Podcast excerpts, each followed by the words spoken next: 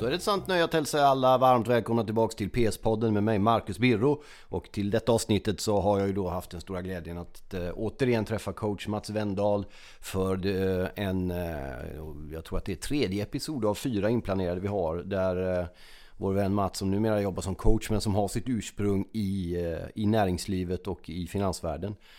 Men därifrån tagandes särledes visa erfarenheter och sen blivit någon som på väldigt höga nivåer inom de stora företag i Sverige kommer in och jobbar med omstruktureringar och med individer och människor som på olika sätt behöver utveckling eller riktning i någon mening. Och en sak som är väldigt intressant i det här sammanhanget som binder samman de här två världarna när det gäller näringsliv och coachning och allt möjligt är ju då ledarskap. Vad är ett ledarskap och vad händer när ledarskap eh, tvingas till förändring i en tid där förändringen dessutom går skenande snabbt? Eller kan det vara så? Vilket jag försöker att få Mats att tänka till kring att eh, i alla tider har sagt att oj, oj, oj vad tekniken går framåt, oj, vad det går fort nu, oj, vad det är Eh, att, att förändringarna går snabba just nu. Men Mats hävdar med, med eh, envishet och jag är beredd att hålla med honom och lyssna noga på när han konstaterar att det går lite snabbare nu än vad det brukar göra, har gjort. Och dessa förändringar och tempot på dem ställer naturligtvis helt nya typer av krav både på oss som människor i privata relationer, kärleksrelationer, vänskapsrelationer men också på arbetet. Var, även om vi då är, eller vare sig vi är chefer eller företagsledare eller så kallat vanliga dödliga anställda så, så påverkas vi av det här flödet som är förändringar. Och dessutom så handlar ju livet väldigt mycket om förändringar. Det enda man kan vara säker på det är att kullen man just har klivit upp på eh, inte är för evigt utan att man kommer vara tvungen att gå ner ifrån den. Och ändå är det väldigt många av oss, inklusive undertecknad, som ägnar mycket tid åt att fundera på okej, okay, nu har jag kommit hit och kommer jag kanske vara kvar här. När jag innerst inne vet att det enda som är säkert på, eh, det enda som är säkert är att jag kommer behöva gå ner från den här kullen också. Eh, det där är otroligt intressant eh, hur hjärnan är skapad och fungerar och hur man kan underlätta för den och hur vi klarar oss i tider av förändring. Eh, och han berättar Mats i samtalet som strax följer mycket om dramaturgin i förändringar. När besked kommer om att det är stora förändringar i livet, vilka faser går vi igenom och hur kommer vi till rätta med dem? Hur kommer vi ur dem på bästa sätt och sådär. Ett stort nöje är det alltid att lyssna på den gode Mats Wendahl och Eh, det är det även den här gången. Eh, jag är jättetacksam och glad över att han vill ställa upp och ta tåget från Göteborg där han bor upp till Stockholm. För att träffa mig och oss och ge oss eh, sina visdomsord och reflektioner. Så varsågoda Mats Wendahl. Då är det ett sant nöje att hälsa Mats Wendahl välkommen tillbaks till, till PS-podden. Stort tack igen Marcus. Hur är läget? Det är bra. Det är ja. bra. Det är, ja, närmar sig juletider. Vad sa du? Det närmar sig jultider. Ja det gör det ju. Är det bra? Är det en källa till ångest eller en källa till hyfsad glädje? Nej men nu har vi passerat Black Friday här bara. Det är ju en bedrift. Va? Ja. Att inte behöva sluta handla för en gångs skull. Det är den nya trenden då. Ja, okej. Okay. Vi får se om man kan hålla den över julhandeln då. Uh, vi har ju en liten serie när det gäller ledarskap uh, och i olika former och på olika sätt och så. Mm. Uh, och en del av ledarskapet är ju som jag har förstått naturligtvis också då. Det handlar ju inte bara, alltså på stora om man är ett företag, en typ av ledarskap. I det egna livet har man en typ av ledarskap. Men förändringar i olika typer av system, både när det gäller på mänsklig plan och kanske även då yrkesroller och sådär. Tänkte vi skulle grotta ner oss lite i, i, eh, i idag. Mm. Har vi någon sån startpunkt på det hela som jag tänkte vi kunde dra igång med?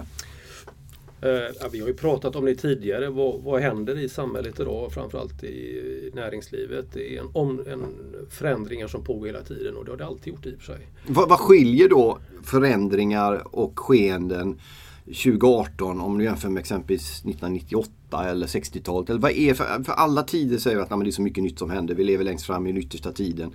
Så här långt fram har vi aldrig varit. Så har det väl ofta varit. Vad är skillnaden nu mot, mot, mot förr i förändringar? Liksom? Det pratade vi också om förra gången. Det är ju liksom att det går fortare.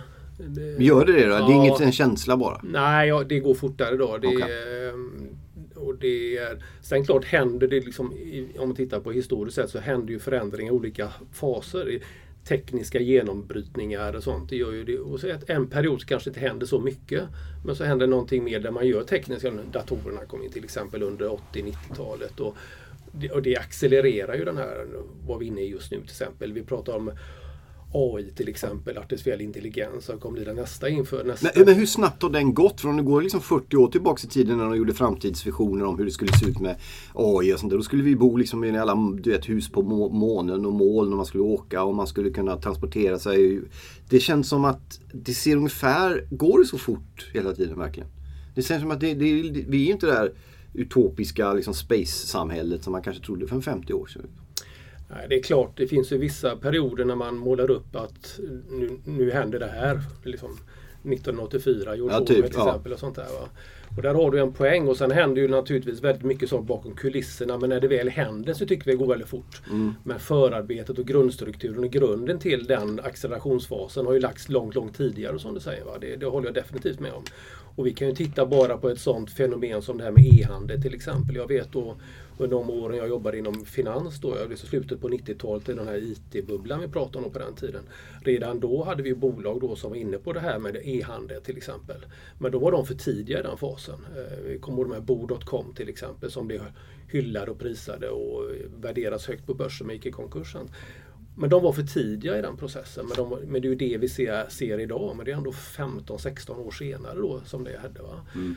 Eh, så att timing är också naturligtvis viktig i en, i en förändring. Och är man visionär och ser saker för tidigt så kan det vara en, ens, eh, en fälla också naturligtvis. Ja, det är viktigt. Ja, så att eh, du har en poäng, har, har du rätt. Men det är ganska stora förändringar som sker som kräver mycket av individen också naturligtvis. Samtidigt kunde man ju höra i, i, bara för någon vecka sedan här på radion om att IKEA skulle göra en massa uppsägningar. Det blev en stor nyhet. Just med anledning av det du är inne på nu att, att uh, utvecklingen går så fort. Det, har de varit för långsamma på bollen? Ja, jag tror att många företag idag inser det att vi skulle varit ute lite tidigare. Ja, och mm. få lite kortsiktig panik här nu. Liksom, för de ser att inträdet av naturligtvis globaliseringen har ju varit, också gjort det väldigt, lite annorlunda mot förut. Förut hade vi inte den vi var inte inne i en globaliseringsmarknad på samma sätt på 40-50-talet som är idag. Eh, nu, med Amazons inträde till exempel i Sverige där det liksom tar då marknadsandelar från de här företagen på ett annat sätt och de tvingas då tänka på ett helt nytt sätt och testa olika typer av vägar för att hitta vart ska vi gå nu när affärsmodellen ändras så som den gör. För har man haft en affärsmodell under 40-50 år och så ändras den, det är klart den tar ju tid att ändra naturligtvis och det påverkar både de som ska göra jobbet och det är individerna. Och då när vi pratar just om i alla förändringar, då om det är nya tekniska system eller omorganisationer eller uppköp eller förvärv, vad det än är, så är det ju ändå människan som drabbas och sen ska göra det här jobbet av förändringarna. Och då påverkas individer väldigt mycket av förändringar och då finns det någonting som är förändringskurvan som är en klassisk modell att titta på. Hur påverkas individen emotionellt och känslomässigt under förändringar? Och det kan man bryta ner till det minsta, liksom, när vi får ett nytt ja, system på jobbet så att det krävs ny typ sätt att arbeta. Det är en förändring. Mm. Eller vi kan stå omorganisationer där det ska vara nedskärningar eller man ska stänga ner fabriker och sånt. Och det är också en mer dramatiskt större förändringar. Men oavsett vad som än sker så är ju första frågan som folk ställer sig vad innebär det här för mig? Alltså mm. man går till sig själv. Mm. Den här förändringen, så jag, hur kommer jag påverkas? Mm. Så att den, det största motståndet till förändring det är ju individen själv. Mm. Att inte gå. Och det gäller då att hjälpa individen i den här förändringsprocessen. Mm. Och ju mer tid du lägger ner som företagsledare att stödja och hjälpa individen i förändringar genom att coacha dem, lyssna, ge dem utbildning och det, ju snabbare går den här förändringen. Mm. För att eh, vi går igenom emotionella faser i en förändring från till exempel då den första fasen är den här förnekelsefasen. När vi annonserar en förändring så vill man ju inte känna sig, man vill ju att det ska vara som det alltid har varit. Mm. Och den här förnekelsefasen då, då, då har man kanske förmågan att skylla på andra och man vill inte förstå vad som händer nu naturligtvis. Då. Sen går man in i nästa fas som är kanske då man går in kanske ner, man har gått igenom den här förnekelsefasen så går den över mer till en frustration och ilska istället. För då, det är det nästa fas. Mm. Um. Men om vi bara stannar där kort, för det är inte så det är de två första reaktionerna. Och någonstans har jag väl fått lära mig, du får rätta mig om jag har fel, för det har jag ofta. Men att man har de här instinkterna som kommer i början är ju till i någon form av, av självbevarelsedrift för mänskligheten i någon sorts ursprungshistoria av människan. Liksom. Ja. Varför är första och även då andra reaktionen på förändring, jag vill inte det här, om det faktiskt de facto också blir så att det blir bättre efterhand? Ja, och det, den frågan är jätteviktig för det gäller då att förstå och kommunicera till individen varför den här förändringen ska göras. Ja. Eh, om man inte kommunicerar varför och vad vi ska göra, då, klart, då, blir, då, då är det svårt att ta till sig en förändring. Mm. Visst finns det människor som tycker att ja, vi måste göra någonting, det måste hända någonting och när förändring kommer tycker de det är jätteskönt. Mm. Men för många är tryggheten, som vi har pratat också om, är väldigt viktig för människor att känna sig trygga. Men även om tryggheten är ett sämre ställe att vara på än vad förändringens resultat skulle bli. Ja. Och man intellektuellt kan, kan berätta det för så är det ändå jävligt trögt. Liksom. Ja, och, och det är det här med ovissheten naturligtvis. Va? Det är ju en typ av att inte ha kontroll över situationen, att det vi inte vet, ja. till exempel vad som ska hända, kan ju skapa typ av stress. Mm. Och många som går igenom förändringar och sånt, det är ju att utsätta sig för en stress för att inte veta. Och har man då kontroll och man vill ha trygghet, då är det klart, en del vill inte gå utanför sin komfortzon. Men en del gillar ju förändringar och en del gör det inte, för vi är olika. Och det är också viktigt att förstå när vi då coachar, med, eller som chef att förstå att vi är olika människor. Mm. Och ju mer du vet om varje individ, vad det är för typ av människa, desto lättare är det att hjälpa personen i de här förändringarna. Men i din erfarenhet som du som, som, som coach, är, är företagsledare generellt bra på det? Eller ser man, okej, okay, nu har vi en organisation, den ser ut så här, vi ska ha förändring, därför måste vi... För som du säger, det är väldigt individuellt hur man reagerar på de här förändringarna. Är, är företagsledare generellt bra, chefer bra på att gå in på individnivå och försöka sköta förändringar eller lägger man det bara, nu ska vi göra det här? Det där är extremt olika. Mm. Vissa företagsledare och har den kulturen. De är medvetna om vad de måste göra, hur de kommunicerar i början framförallt. Va? Och förklara varför gör du och få folk att förstå att om vi inte gör den här förändringen, vad blir konsekvenserna då? För det är ju så att även om man tycker att förändringen är bra eller dåligt, men vad är, vad är konsekvensen av att inte göra en förändring? Mm, då blir det kanske att, ja, gör vi ingenting, ja det kanske känns bra nu. Mm. Men på sikt kommer det inte, det är som en kissa i brallan, det är skönt i början liksom nästan. Men gör vi inte förändringar så kanske det innebär att vi kanske måste sparka 500 om ett år. Mm. För att det finns inga jobb kvar. Så att en förändring gör ju att det ska bli bättre. Um, sen är det klart, sen är det naturligtvis, om man tittar på min gamla profession då från näringslivet och finans, då är att mycket av företagen, och framförallt börsnoterade företag, är väldigt fokuserade på aktiekursen och uh, shareholder value som man säger. Då, va? Och det är klart, uh, eller tittar man då till exempel på uh, return on equity, alltså, och då är det ju klart att vad lägger vi fokus, vad gör vi förändring? Är det att förbättra nyckeltalen? Eller är det för att förbättra som är bättre för företaget på sikt? Och det är det här, det här kortsiktiga kontra det rent långsiktiga som är bäst för företagen. Det är där måste man vara väldigt medveten om varför vi gör som vi gör och varför behöver vi göra en förändring. Och vilken, vilken är den bästa ordningen att ta det i då? Om man är som företagsledare, nu måste göra en förändring. Vad börjar man med då? Är det att förklara för medarbetarna varför? Eller snarare vad kommer hända om vi inte gör? Ja, jag tror framförallt innan man går in i det att, få, att man har någon typ av metod där man hela tiden utvärderar företagen. Att, hela, att utveckla företagen. Att ha, har vi rätt affärsmodell? Eh, mäter vi framgång på rätt sätt? Eh, vårat KPI till exempel. Tittar vi på vad gör i förhållande till konkurrent så att man hela tiden utvärderar sin affärsmodell och är väldigt på tå vart mm. vi är på väg. Mm. Um, och inte slå sig till ro och tro att man har den bästa produkten, att vi är världsledande. Att man, I dagens samhälle kan du aldrig slå dig till ro och, och dra dig tillbaka och säga att liksom, vi har svaret här. Det finns ju massa företag i historien som har gått fantastiskt bra men på grund av sin bekvämlighet eller sin framgångssaga kanske slår sig lite till ro och på grund av den så springer konkurrenterna i kapp. Och det gäller hela tiden att vara på tå, att hela tiden återuppvinna sina, sina, sin affärsmodell. Mm. Och utifrån det sen göra de förändringar som krävs. Mm. Om det nu är ändra affärsmodell eller öppna nya affärer eller butiker eller fabriker eller vad det än är. Va? Hitta nya vägar att gå. Uh, titta på exempel så på Netflix känner vi alla igen till exempel. Då, mm. vi tittar på det. Men från början är det ju, sålde de ju uthyrning av VHS-band en gång i tiden eller DVD-skivor. Ja, var det så de var? Ja, och, och de slogs ju då mot, mot eh, Blockbuster i USA. Liksom. Men de insåg ju det att de såg ju vart teknologin var på väg. De insåg att ha videoaffärer för att hyra ut VHS och sånt. Det, det, det, kommer inte vara framtiden utan vi tror på att streama tjänsterna kommer vara. Och det var det, där gjorde de ett vägval då. Mm. Så mm. en förändring då. Ja. Som gjorde att de är framgångsrika idag. Medans... Men det där är ju nästan en, metam en metamorfos de har gjort. De har ju liksom De är ju störst på delvis en annan marknad känns det ja. som. Eller? Ja. Även om det hänger ihop så känns det som. Nej men just att vara så framåtseende och se vart, vart är vi på väg. Och det är det, det svåra. Det är mm. att se vart, vart är vi på väg i framtiden. Och det är många brottas med idag. Vart är vi på väg? Liksom? Vad, vad är framgång? Så hur kommer konsumenter agera framgent. Men, men, när du säger vart är man på väg, då är man ju alltid liksom, vad ska man säga, man sitter alltid med i den här resan. Man, man kör aldrig bilen eller? Vem kör bilen? Ja, men du säger företag, du säger att de är oroliga över utvecklingen eller undrar vart är vi på väg och sånt Varför kan man inte Kan man leda utvecklingen i någon mening? Eller är man alltid ett offer för, nu är svängarna dit, fan måste vi göra det här eller nu svänger det dit. Eller kan man inte börja, vi ska svänga dit? Hur mycket styr man själv?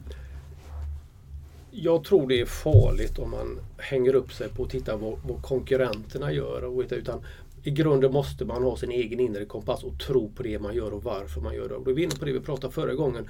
Ha det här högre syftet. Mm. Vad vill jag skapa så att säga? Va? Mm. Eh, mogna organisationer, mogna företag som Volvo eller SKF eller de här, de har ju sin de har ju affärsmodellen. Sen får de ju naturligtvis förbättra sin produkt. Om det nu är eldrivna lastbilar och hela tiden vara i framkant där med de har nästa Men det kommer hela tiden nya företag som hittar på nya saker. Mm. Uh, så jag tror det är viktigt att uh, ja, hela tiden att du kan aldrig veta vad som kommer hända. Nej. Utan det är att du måste ju tro på det du gör. Sen vad det leder till, det vet ju inte heller som sagt. Va? Men när du säger mogna organisationer, SKF. Min farsa kom på 60-talet till Italien och bodde i baracker i Gamlestan och jobbade just på SKF. Och då var det liksom kullager och maskindelar och skruvmejslar och skiftnycklar och vad det vad gör, vad gör, Man hör ingenting om SKF längre. Men det, det går ju bra antagligen. Det är liksom, vad gör de? Hur har de lyckats ställa om? jag vet inte, jag är inte så insatt i just företaget på, på beslutsfattande nivå. Så det är inte jag. Jag har ju följt SKF som vilket bolag som helst när jag jobbade förut. Men, eh, ett fantastiskt fint företag som har traditionell historia och en underbar bra produkt. Men sen utvecklas ju tiderna blir annorlunda och det är klart det kommer in om jag tittar, på, tittar då på bilar till exempel, om vi ska ta ett exempel. Då, ja. menar, om, om nu eldrivna bilar det kommer köra omkring om 10-15 år så kommer ju en bil se helt annorlunda ut. Alltså komponenterna i bilen kommer se helt annorlunda ut. Mm. Och det innebär ju naturligtvis vad händer med underleverantörer som producerar bilar idag för fossil drift till exempel. Då, det, motorer kommer inte, det kommer elektriska motorer och då kommer inte de komponenterna som finns idag finnas i bilarna som finns i framtiden. Mm. Och det kommer bli annan typ av underleverantörer. Så, alltihopa. så det, det är en jätteomställning för fordonsindustrin till exempel. Då. Mm. Och det, det, pågår hela tiden. Eh, jag menar reklambranschen, hur den såg ut på 80-talet med direktreklam finns ju inte idag. Finansbranschen som jag var med under 80-90-talet ser inte heller ut som det gör idag. Och vi ser det som jag pratade med detaljhandeln utsätts också idag för enorma liksom, förändringar och då måste den ställa om till de nya. Och vi vet ju inte hur kommer konsumenterna göra nästa, bedriva sin handel. Det vet ju inte heller. Eh, vi såg nu till exempel, det var jag tror framförallt, under, vi såg nu med Black Friday till exempel. Det kommer ju smyga in mer och mer och det märker jag när jag pratar med mina barn till exempel som är i 20-årsåldern. Alltså hur de kommer titta mer på att inte köpa, konsumera så mycket. Vi har haft ett konsumtionssamhälle att vi ska köpa mer. Men jag tror mer och mer att vi kommer köpa mindre. Vi kommer bli mer medvetna att vad är det för kläder vi köper? Vad är det för prylar vi köper? Var kommer de ifrån? Att vi kan inte konsumera hela tiden utan vi måste återanvända saker. Och den tror jag trenden kommer komma mycket mer och mer. Och det är också större utmaningar i de här förändringarna för, för vissa många företag. Också. Men om man tar liksom det på en mänsklig nivå så är det ju det enda man egentligen är helt säker på i sin tillvaro det är ju att allting förändras hela tiden och att ja. man aldrig kan stå på den kulle man just har klättrat upp till. Att man måste ner och möjligen förhoppningsvis upp en annan kulle då. Mm. Och ändå har man så otroligt som människa, tror jag, svårt för det. Fast det är egentligen det enda mest grundläggande vi kan vara säkra på. Mm. Ändå är det många som gärna vill slå vakt om, och fan nu är jag på den här kullen. Ja, det vi pratar den här status quo situationen då. Man vill vara som det alltid har varit. Och då är vi tillbaka som sagt, det, handlar om tryggheten som är så otroligt viktig. Vi vill känna oss trygga. Eh, och känner vi då att inte vi har kontroll på situationen, jag inte vet, då kommer det oro. Eh, vi kanske inte har tillräckligt med information till exempel som vi behöver för att... Och då triggar det en massa rädslor. Men är den verklig? Är det en reell fara? Eller är det en inbillad fara när vi känner tryggheten hotad av förändringar? Ja, den inbillade faran har ju också vilka, vilka, vilka valda sanningar och trossatser du har till exempel. Det som vi kallar för beliefs på engelska. Mm. Alltså en del den upplevda faran är ju någonting som kanske skapar själv med mina tankar och mina känslor naturligtvis. Va? Men det kanske inte är en reell fara egentligen. Men det, skapar en stressrespons i kroppen, den här orokänslan att titta i framtiden. Men vi vet ju själva att det, det vi tänker om framtiden, så du pratar om oro till exempel, det händer ju inte. Utan det är någonting du skapar själv. För 80% av det du tänker och det oroar om, det kommer ju inte hända. Är det, kan man, är det 80 procent? Ja, ungefär. Ja, okay. man, man, säger det. Men det, det, är ju mycket i framtiden om oro vad som vi vill ha kontroll. Det kan bli värre i och för sig också. Det kan bli värre. och det, det, här var ju det vi pratade om första gången också. Som, var, är, var är jag i, liksom i, i mina tankar? I de, eller pratar jag mycket om det förflutna. Mm. Men alla de här sakerna i förändringar gör ju också att det här sätter igång processer hos människan också. Mm. Vad ska hända med mig? Vad händer med min familj? Eller om man jobbar med ett företag där man kanske kommer med företaget kanske säljs till någon till konkurrent till exempel så annonserar då de här, den här säljaren då, eller som kanske var ett familjeföretag som har funnits i massa år i en liten trygg liten by eller ett, ett samhälle som är beroende, alla är beroende av det här företaget. Så säljs det här företaget till någon börsnoterat företag till exempel. Och det är klart, då händer ju mycket saker hos de människorna som i sin trygghet. Då. Vad, kommer det här, vad kommer ske nu med den nya ägaren? Vad kommer de göra med företaget? Och här är det då viktigt att förstå för att den här förändringen och för att det här övertagandet av de nya ägarna ska gå så smidigt som möjligt och ta så kort tid som möjligt så måste man då hjälpa individerna i detta. Och det, det är återigen att kommunicera varför vi gör de här förändringarna. Hur kommer det påverka er? Och, att göra att de här medarbetarna kommer också vara delaktiga i förändringarna. Mm. Hur ska vi jobba? Hur ska vi jobba i då projekt för att liksom utbilda folk och så vidare. Men det, det, de olika insatserna man gör för, under en sån här förändring kommer olika, beror på var människorna finner sig i olika faser. Då. I början räcker det bara med att lyssna, ha en öppen dörr, vara tillgänglig, kommunicera rakt, lyssna vad människorna känner och mår. Det är absolut det viktigaste. Att skapa det vi kallar ett medvetande om de här förändringarna. Sen då ju längre fram i den här förändringen kommer, då kan du sätta in de här åtgärderna till exempel. Att utbilda människorna till exempel. Eller skapa grupper där de får vara med och påverka förändringar och så vidare. Mm. Och ju längre sen när vi går in i det mer, sen kan vi naturligtvis kan vi gå in i depression efter, under den förändringen också. Det är liksom näst, det är bottenfasen när vi mår väldigt dåligt i den förändringarna. Då vi går in liksom, som i vilket kan vara sorg, kan vara skilsmässa och allting. Det är också en förändringsprocess, samma sak. Och hon som kom på den här modellen då som heter Elisabeth Kubler-Ross på sex, slutet på 60-talet. Hon, hon studerade alltså människor som fick dödsbesked. Mm. De, de gick igenom de här olika faserna. Och det var det samma linje? Man Ja, det var samma linje. Då. Och den tog man då an sig och la in den typen, vad händer i förändringarna generellt sett. Då. Hur såg den kurvan ut då, som de, hon plockade fram? Ja, det händer ju först, det är ju den här förnekelsefasen framförallt då. Mm. Uh, och det här det händer inte mig, och det, det inte kan vara inte sant och så vidare. Det, det, det är ju det första man säger till sig själv. Uh, och varför drabbas jag? och Det här är inte rättvist och så vidare. Va? Och sen går man in i nästa fas då det är liksom, man skyller på sig själv eller man skyller på andra. och Ge mig lite mer tid, bara jag får träffa, vara med om barnens student till exempel. Eller bara jag får med om barnens fyller år. Eller bara jag får med när barn gifter sig. Liksom, det är det man ligger och hoppas på. Och sen går man in då i en depressionsfas då. Eh, där man är, känner att ja, jag, jag kommer då dö till exempel. Och då, men det är bottennivån. Då. Och sen går man in i acceptansfasen. att ja, Man förbereder sig på det som kommer. Så, och det är den här modellen. att det, det, det är en viss fas vi går igenom. Det där kan man sätta på mindre säga, livsomvälvande och dramatiska Absolut. saker. Ja, alltså, det är in i minsta nivå till kanske en förändring på jobbet som är inte så jättestor. Till livs kriser och livsfaser, liksom en skilsmässa. Jag har själv gått igenom en skilsmässa och vet också det att det är också väldigt jobbigt att gå med de här faserna och det kan ta lång tid, beror på hur mycket hjälp man får. Mm. Så att eh, om du får hjälp av en eh, terapeut eller psykolog om du är på privat eller får hjälp av en chef.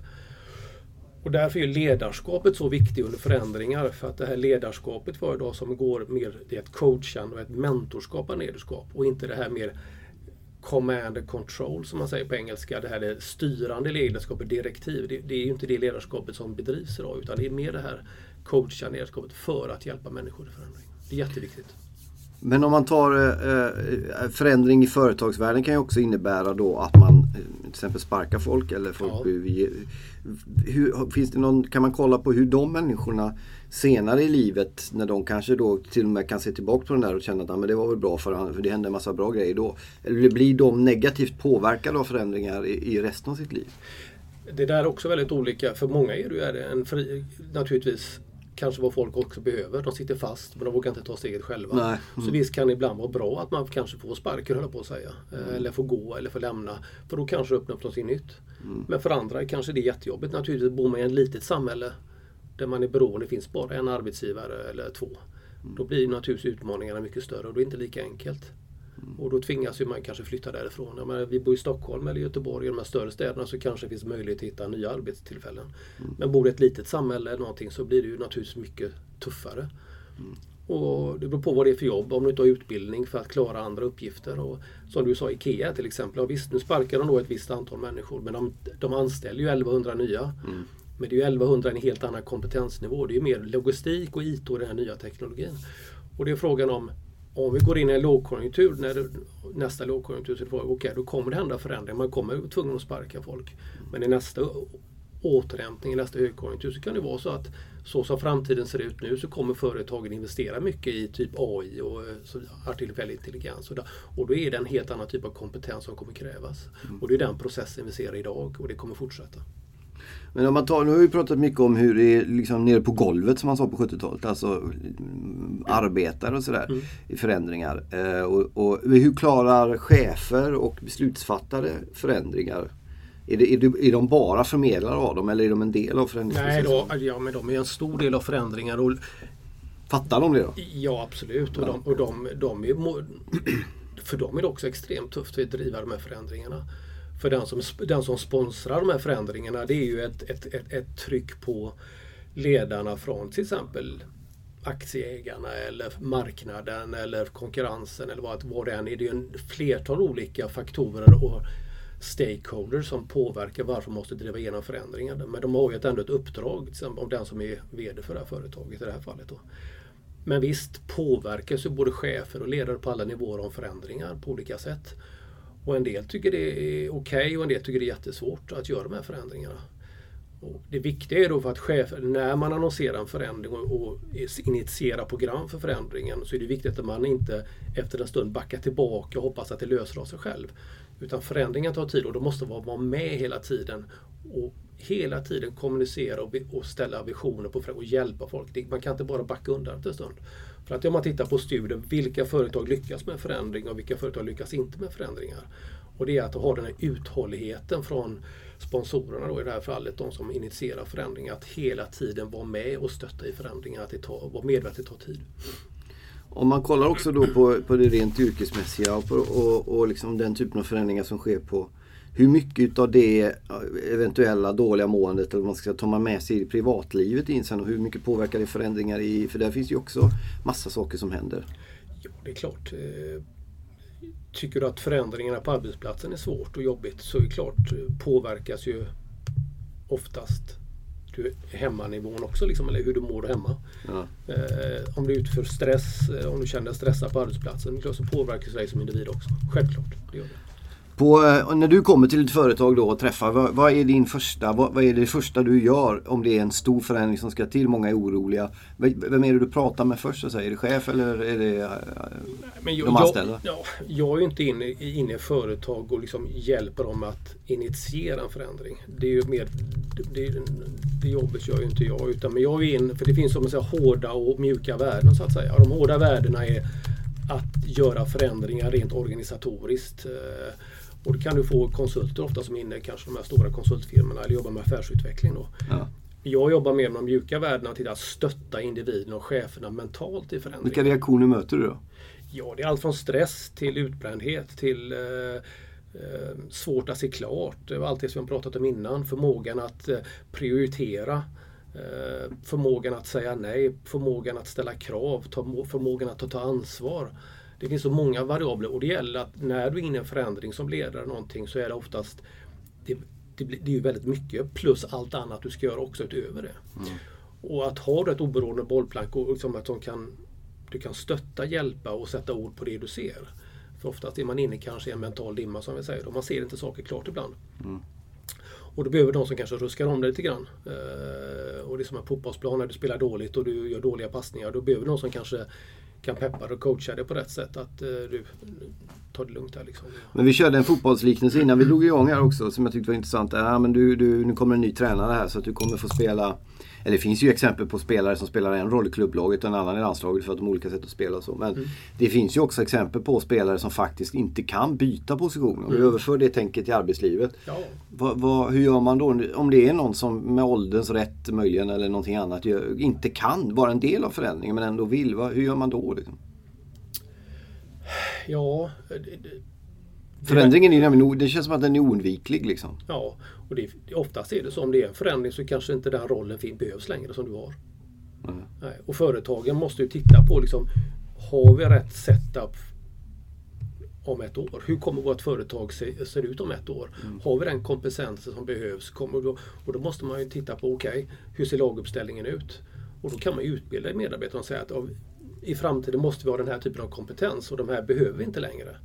Och då måste man kanske vara tydlig och kunna kommunicera. Och det är inte lätt alla gånger att kunna hjälpa medarbetare att kanske utbilda sig och så vidare. Men många lägger ju en stora delar av sitt eget värde i sitt arbete. Oh ja. och, och då arbetsrollen så att säga försvinner. Och då, då tappar många sitt människovärde i det. Liksom. Ja. Hur, hur håller man isär den grejen förresten? Går det att göra det?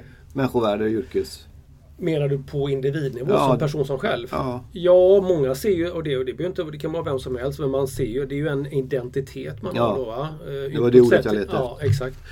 Och det är klart, eh, det är, för många är det väldigt viktigt vad man har för, vem, vem, vad man har för identitet. Men vad handlar den grejen om? Det känns, alltså om man lägger hela, eller stora delar av sin identitet i sitt yrke, för så är det ju många som gör. Det är många mm men självmord går upp till exempel. Mm. De är ju väldigt många som tar livet av sig under 30 och sen ja. över 60 plötsligt ja, igen. Visst. Av olika anledningar säkert. Men, men en av kanske möjligen kan vara då att man tappar liksom sin identitet. Varför har man inte byggt upp en, en egen annan identitet som inte är beroende på vad man levererar till andra människor på arbetstid? Ja, du är inne på det här med självkänsla och självförtroende. Mm. Att jag är min prestation och så vidare. Och det finns ju mycket inom idrottsvärlden också. Väldigt framgångsrika idrottsmän eller idrottskvinnor som varit extremt lyckosamma och vunnit OS-guld vad det än är. Men sen när den perioden är över. Då rasar mycket. Då rasar mycket. Va? Mm. Uh, och det är ofta man pratar om det här. Det är viktigt också att du kan, du, jag, som coach, då kan man titta på att du ska nå det här målet och du ska göra det här. Va? Men sen är det också att vi pratar om beyond goals, som man säger, alltså bortanför målet. Mm. Vem är du då? Så jag menar det finns ju massa människor som når sina mål men sen då? Men det här blir ju filosofi nästan. Ja, det, ja, filosofi eller realitet också, så är det. Och då måste mm, när, du är aldrig din prestation som vi brukar säga då. Va? Men när man identifierar sin prestation med vem man är som människa. Mm. Och om det då inte blir som du har tänkt det till exempel och då att du då faller igenom och du har svårt att ta motgångar, du trycker ner dig själv. Och då är vi inne på vem du är som person. Då pratar om självkänslan då, till exempel är väldigt låg. Men om du hela tiden ska, måste bibehålla en fasad eller ett yttre genom att prestera för att inte någon ska se din dåliga självkänsla. Så kan det ta uttryck på massa olika sätt. Mm. Det kan vara att du ska göra karriär, du jobbar hela tiden. Du måste vara perfektionist, du måste ha kontroll på allting. Du trycker ner andra människor för att bibehålla här. Eller att hela tiden visa att du får likes på Facebook eller vad det än är. Men det är väldigt jobbigt att bibehålla den fasaden hur lång tid som helst. Mm. Och det, det, det, är ju sådana, det får man ju fundera på då. Liksom, en del Men det känns som många har den attityden till livet som du nämner nu. Ja, det har Eller för jag. egen del? Nej, men jag vet, jag vet ja, för egen del också som du säger. Men det måste man ju erkänna och sätta handen på hjärtat. Visst finns det sammanhang där man kanske har de benägenheterna naturligtvis. Mm. Men det gäller om att vara medveten om det själv. Mm. Och du var inne på det vi pratade om förra gången, det med självledarskap. Liksom, att vara medveten om vad kan jag påverka? För jag kan ju inte ändra andra människor. Jag kan ju inte ta ansvar för andras känslor och så vidare. Då, mm. Eh, utan jag kan bara ta ansvar för mig själv. Men apropå filosofin, jag tror det var Schopenhauer, den buttre tyske gubben som sa något i stil med att livet pendlar mellan lidande och leda. Mm. Du, du, det är lidande, det är leda, tror jag det är, fram tills du får vad du vill ha och sen är det lidande eller leda. Det var något okay. från, ja, men det var mellan det. Man ja, drömde ja. om att få något, sen får man det ja. och så var det inte så mycket värt. Okay. Det är lite det du är inne på. Ja, det kan man säga. Att man lägger sitt värde i sin grej och sen så kan man ändå inte, ja det var roligt och sen så är det nästa mm. kick hela tiden. Liksom. Mm. Man blir aldrig nöjd. Du kommer aldrig fram. Så vad säger det, egentligen? Ja, att det är någon annanstans man bör söka den typen av tillfredsställelse inom mening. Mm. Eller? Ja, vi är inne, nu är inne på rätt filosofiska ansatser här då. Men ja. i och med att man är lite till åldern här och har gjort sina misstag på vägen och gjort en resa då så har man ju ändå fått några insikter på vägen och det är ju det här att uppskatta varje dag till mm. exempel. Då. Att vara tacksam när man vaknar på morgonen. Skriva ner fem grejer på kvällen vad som var bra. Ja, det brukar jag göra med, liksom, när jag jobbar med människor som har dålig självkänsla och trycker ner sig själva. Framförallt ungdomar. Mm. Att uh, köra det mantrat på kvällen till exempel. Men du, men, sa, du sa en annan Ja, förlåt. Ja, men till exempel det här. Vi pratar mycket om det här att man ska leva i nuet som låter som väldigt klyschaktigt så att säga. Men ändå på något sätt stanna upp hela tiden och vara medveten om de här sakerna. Varje dag räknas? Varje dag räknas. Vi vet inte vad som händer i framtiden men vi är mycket där borta vid våra tankar hela tiden. Men liksom fundera, vad lägger jag min uppmärksamhet på i en dialog? Jag, jag sitter med dig här Marcus så kan jag välja antingen lägga uppmärksamhet på, på dig som person och vad du säger. Mm. Eller så lägger jag uppmärksamhet på mina tankar. Mm. Och när jag lägger uppmärksamhet på tankar då är jag på någon annanstans. Då är jag inte närvarande, då är jag inte i nuet och allt det vi pratar om. Då. Så att det är också för vad är det med uppmärksamhet? Och i en förändring också då, om vi ska gå tillbaka till det, förändringen då. Det är också att fundera på vad är det jag kan påverka förändringen. Ja, det är också det här. Va? Det är mm. mycket att så länge jag är inne på att jag, jag förnekelsestadiet och jag pekar finger åt andra och vad händer och allt det. Då, det är ju väldigt mycket jag inte kan påverka. Men det är naturligt och det är helt okej. Okay. Mm. Jag tror bara måste att man måste kommunicera till de anställda att det här är en naturlig process. Eh, man måste vara öppen, man måste att förstå att det är helt okej okay att vi gör detta. Men sen frågan, vad gör jag med det? Ja, det är att när, när den här liksom mer första fasen av att man tillåter, man måste tillåta att det är jobbigt, det är, man går in i kanske någon typ av ilska och förnekelse i början då. Men sen då när vi ska ta det ur sig ur den här fasen då, det är också att titta, okej, okay, nu har vi gjort det här. Då gäller det att, okej, okay, vad kan vi påverka? Vad kan jag påverka i detta? Mm. Och när vi går lämnar den här mer djupare och tråkigare delen som jag uttrycker ordet och går ner liksom mer i den acceptansfasen. Det handlar väldigt mycket vad det är att man accepterar situationen och är. För det är först när jag accepterar en situation som jag kan börja gå åt rätt håll. Och det gäller mycket. Mm. Att acceptera att nu är det som det är. Jag kan inte påverka det här som har varit. Eller det som annonserats. Jag kan tycka mycket om det naturligtvis. Bra eller dåligt, rätt eller fel, whatever. Mm. Eh, men jag kan förstå varför och, och företaget kommer att säga varför de måste göra det här. Okej, okay, då kan jag lyssna på det och ställa frågor om det. Och så acceptera och sen titta, okej, okay, vad kan jag påverka? Vad kan jag göra situationen? Men det finns en annan del i det också tycker jag som är det där att man vill påverka eh, att man vill vara och rota i hur andra tänker och man vill styra andra lite. Mm, ja. Eller man vill ha kontroll. Mm. Du sa någon bra grej där om att söka jobb för några veckor sedan när vi hade, om det var i sändning eller utanför. Mm. Men, ja, men du ska inte du ska, du ska söka jobbet som du redan har det. Ja. För att jag blir så jävla, jag kan inte, liksom, jag måste ju gå det, hur går det, hur går det? Och, och jag, har haft, jag har jobbat med det, jag har tänkt på det, jag har hört det mycket och sådär. Men jag har möjligen något bättre nu än för tio år sedan. Men det är fortfarande sådär, har ni hört något, har ni hört något? Tills till den gräns faktiskt. Att någon hörde av sig och sa att vill du ha ett besked idag så är det nej. Just det. Så, men däremot om du väntar lite så får vi se, då finns ja, det hopp. Liksom. Ja. Och vi är inne på någonting som det här med, som du kallar, alla behöver tid. Mm som jag pratade om förra gången, just det, det exemplet du nämner där. När det känns i kroppen att du känner dig spänd, frustrerad, du måste veta, du måste ha kontroll och allting. Den känslan som vi pratade om, den är ju spänd. Och den känslan guidar dig egentligen vad du ska göra. Mm. Du ska inte göra det du vill göra. För det känns inte bra. Nej. Och, det, och då är det ha den här insikten att, att lita på kroppens signaler. Mm. Om det nu är inom stress eller om det är de här att du måste göra någonting. För att känns det inte bra, att det kommer från frustration, rädsla, att inte veta. Ta ett steg tillbaka och gör ingenting.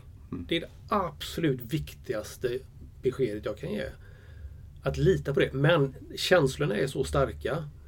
Men saken är att om dina tankar och dina känslor skapar ett beteende. Mm. Du kan inte ändra dina tankar om det att du vill ta kontakt med dem.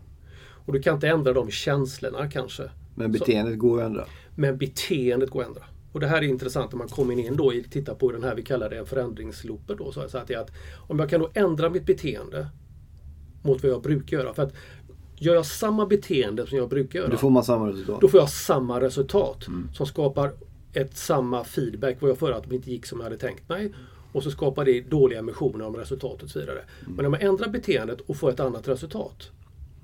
Och det skapar positiv feedback, att det blev, det blev bra. Då är det lättare sen va? Då är det lättare sen, mm. ja. Och det här är det viktigaste. Att det, när vi går in i förändring eller med företag att ändra, då är vi inne på vårt beteende på arbetsplatserna. Mm. Att tankarna, okej okay, jag kan försöka tänka positivt, men det vet vi, det, det funkar ju inte. Va? Så det funkar inte. Jag tänk positivt, det hjälper inte. Och de här känslorna de är, de är okej, okay, acceptera tankarna finns, jag är medveten om de här känslorna. Men jag behöver inte gå in i beteendet, jag kan skapa med space som det heter. Då? Mm. Och det finns den här kända författaren Viktor Frankl då, som skrev mm. Man Search for Meaning. Mm. Han satt i koncentrationslägret då.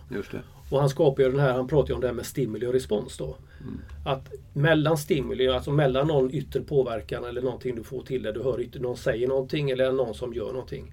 Till det, att du reagerar på det du får stimulerad på så att säga. Så finns det ett mellanrum som kallas för space.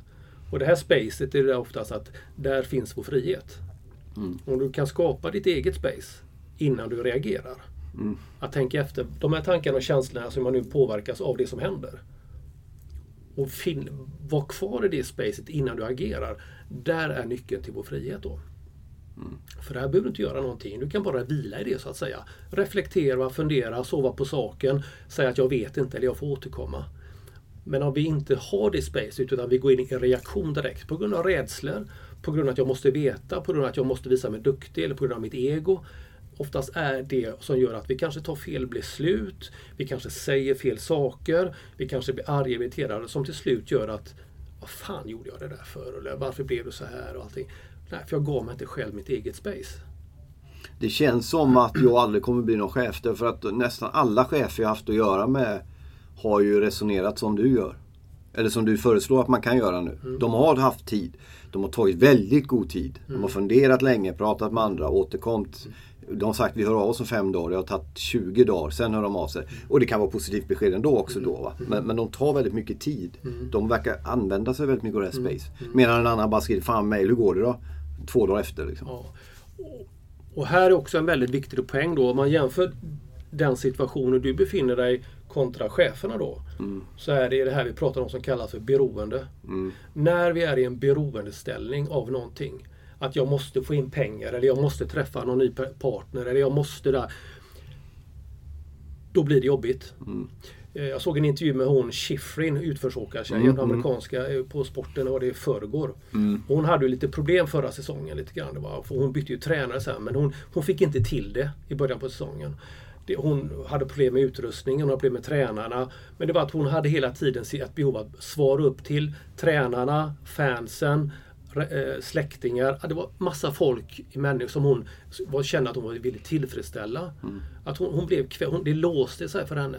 Men så jobbade hon på det och till slut är så att hon bytte tränare. Hon åkte för sin egen skull. Att hon inte kände att hon var beroende av någon annan. Hon gör det för hon tycker det här är roligt. Mm.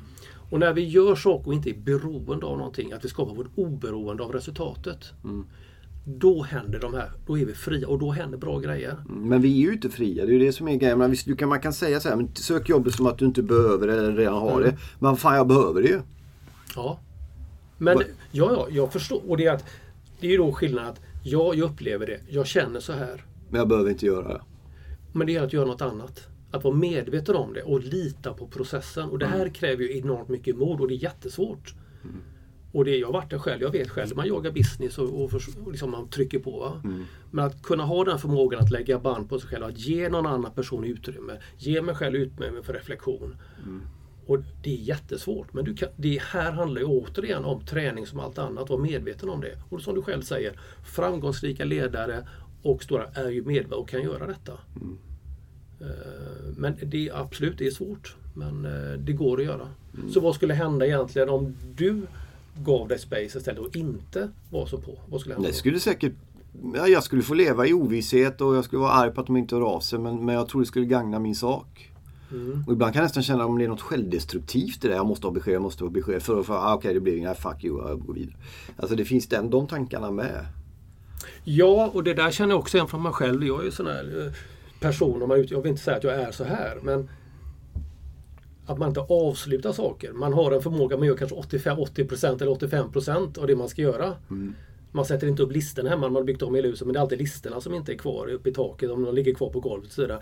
Att det finns ett beteende, man, har, man är rädd för att göra det där sista avslutet. Mm.